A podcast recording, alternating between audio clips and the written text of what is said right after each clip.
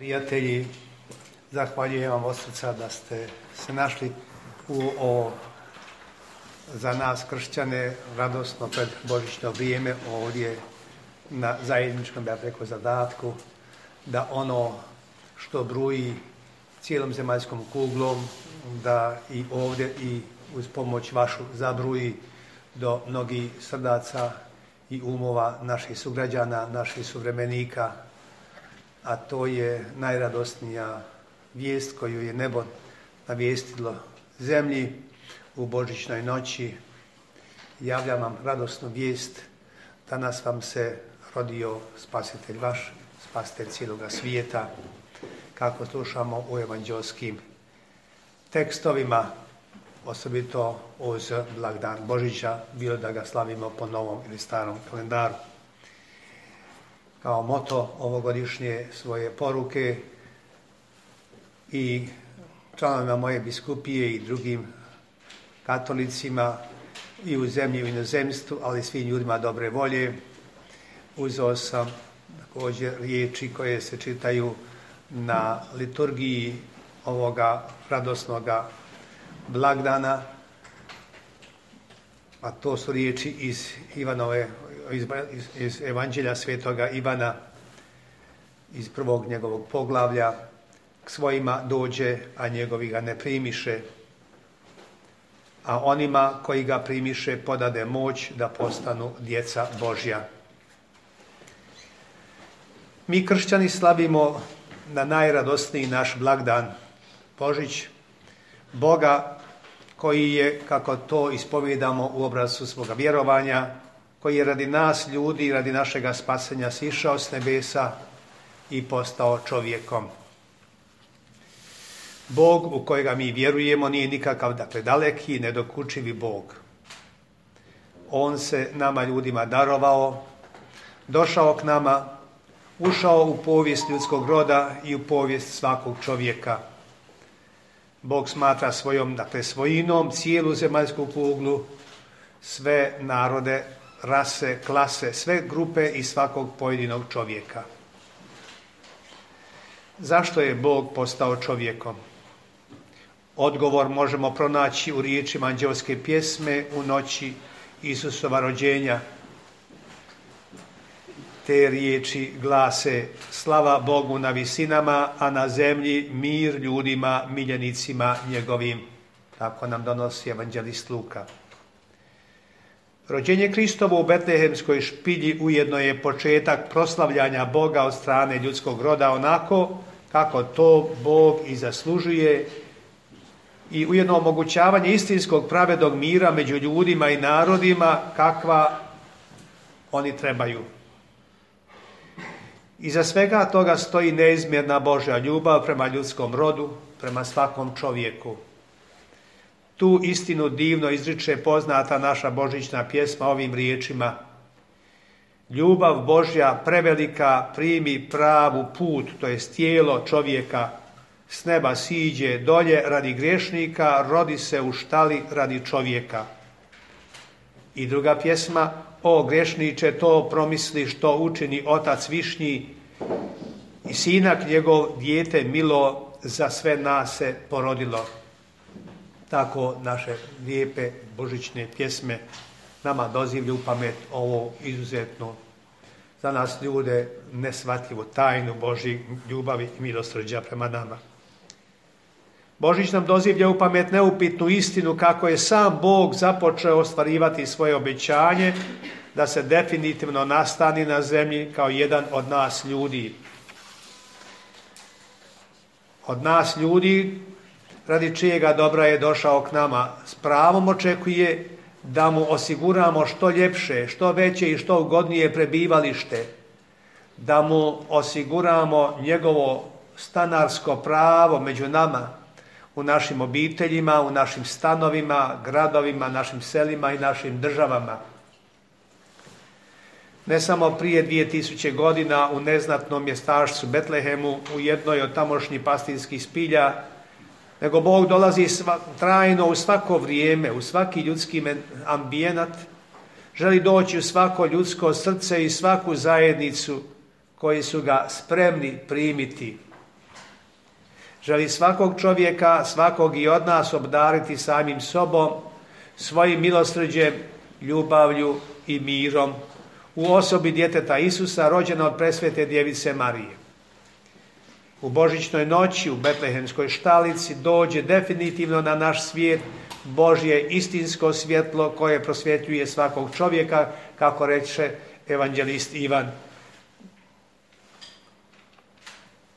To betlejemsko dijete Isus kojemu su se prije 2000 godina poklonili najprije priprosti pastiri, a onda zvijezdoznanci, mudraci s istoka, ne umara se ni danas k sebi privlačiti i priproste jednostavne, siromašne ljude, niti mudre i ume glave. I jedni i drugi i cijelo čovječanstvo čeznu za istinskom srećom u pravednom miru za sve čeznu za ostvarivanjem obrane i promicanja vrijednosti i dostojanstva svakog ljudskog bića.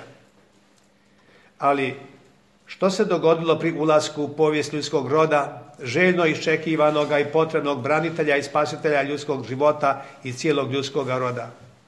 Isti apostol Ivan nam na početku svoga evanđelja, kako slušamo u svečanoj, kako slušamo u svečanoj božićnoj liturgiji, predstavlja jedinstvenu dramu i za Isusa i za sve nas ljude, za cijeli svijet. Kako tužno i potresno zvuče dramatične riječi apostolove koje glase Isus dođe k svojima, a oni ga ne primiše. Utjelovljeni Bog dolazi svome ljubljenome stvorenju čovjeku da ga istinski usreći i spasi od vječne propasti – o čovjeku pojedincu, o svakom od nas, dakle ovisi kako učinkovito će biti to Kristovo dijelo spasenja njegovog osobno, odnosno cijeloga ljudskog roda. Svjetlo nemjerljive i neprocjenjive ponude Božje sreće, milosrđa, ljubavi i mira obasjava vrata i prozore svakoga ljudskog srca, svakog ljudskog prebivališta, svake ljudske zajednice – ako ta njihova, odnosno naša vrata i prozori ostanu zatvoreni, Boži usrećujući plan s nama se neće ostvariti. Mi ćemo pojedinačno ili kao zajednica ostati u tami i nesreći naših grijeha, naših nemira, naše sebičnosti, isključivosti, beznađa, mržnje i nesreće.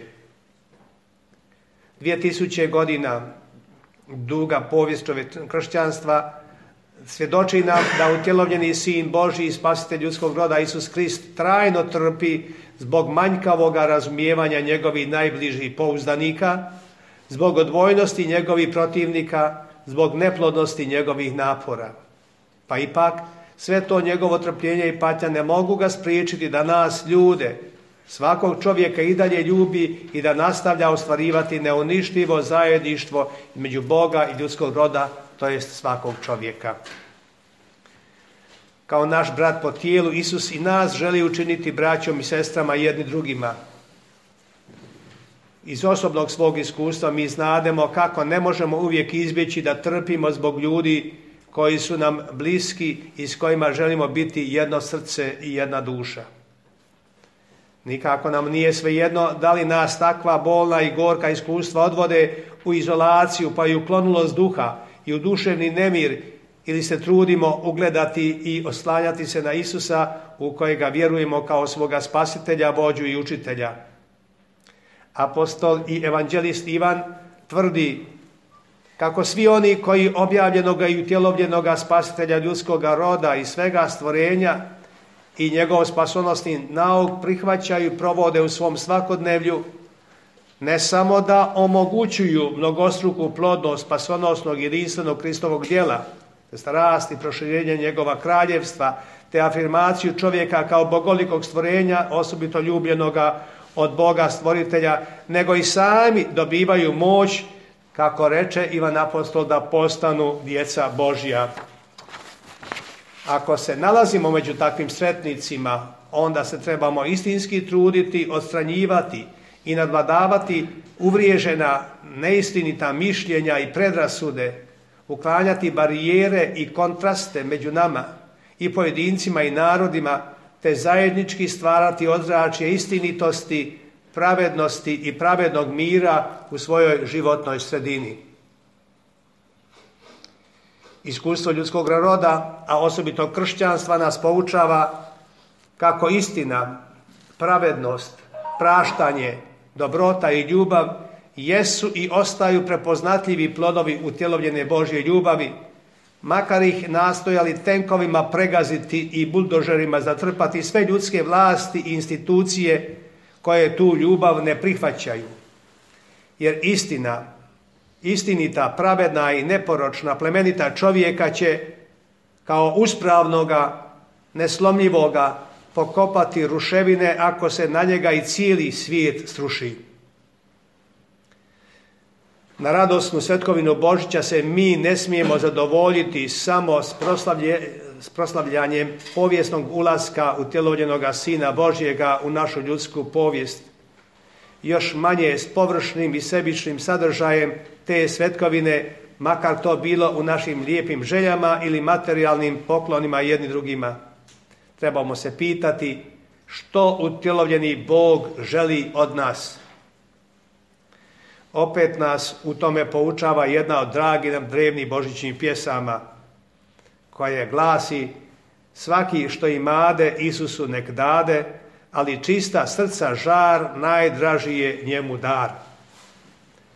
Isusova je žarka želja da mu dopustimo da nas on obdari svojim darovima jer kako veli jedna druga božićna pjesma, on dijeli svijetu radosti, darove svoje, odnosno Božje milosti.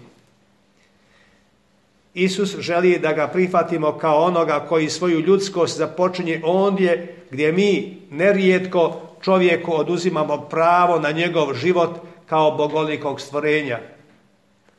On želi da ga tražimo ondje gdje se on rodio, to jest u neprihvaćenosti, odgurnutosti na rub društva u siromaštvu i materijalnoj bijedi.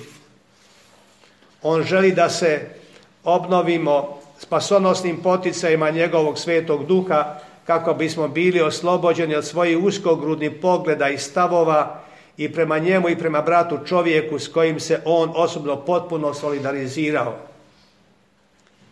Božić, rođenje utjelovljenog Sina Božjega, nudi istinsku slobodu i istinsku radost našim često zarobljenim, tužnim i beznadnim srcima.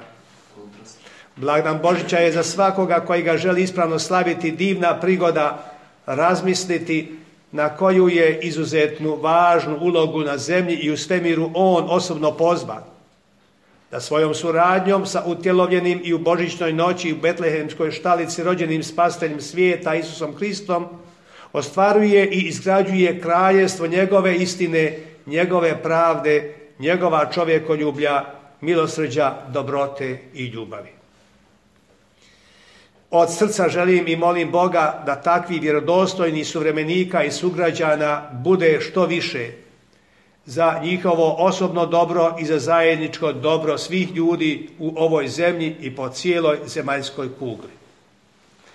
Čestit Božić i sveto Isusovo porođenje i mirom i blagoslovom trojdinoga Boga obdarena nova godina spasenja 2018. svoj braći ljudima, miljenicima Božim svim članovima moje biskupije, onima koji se nalaze na njezinom području ili su prisilno još uvijek izvan nje kršćanskoj braći i sestrama koji Kristovo rođenje slave po starom julijanskom kalendaru za 13 dana, već sada također od srca čestitam blagdan Božića, mir Boži Hristos se rodi, te blagoslovom Božim i mirom ispunjenu 2018. godinu.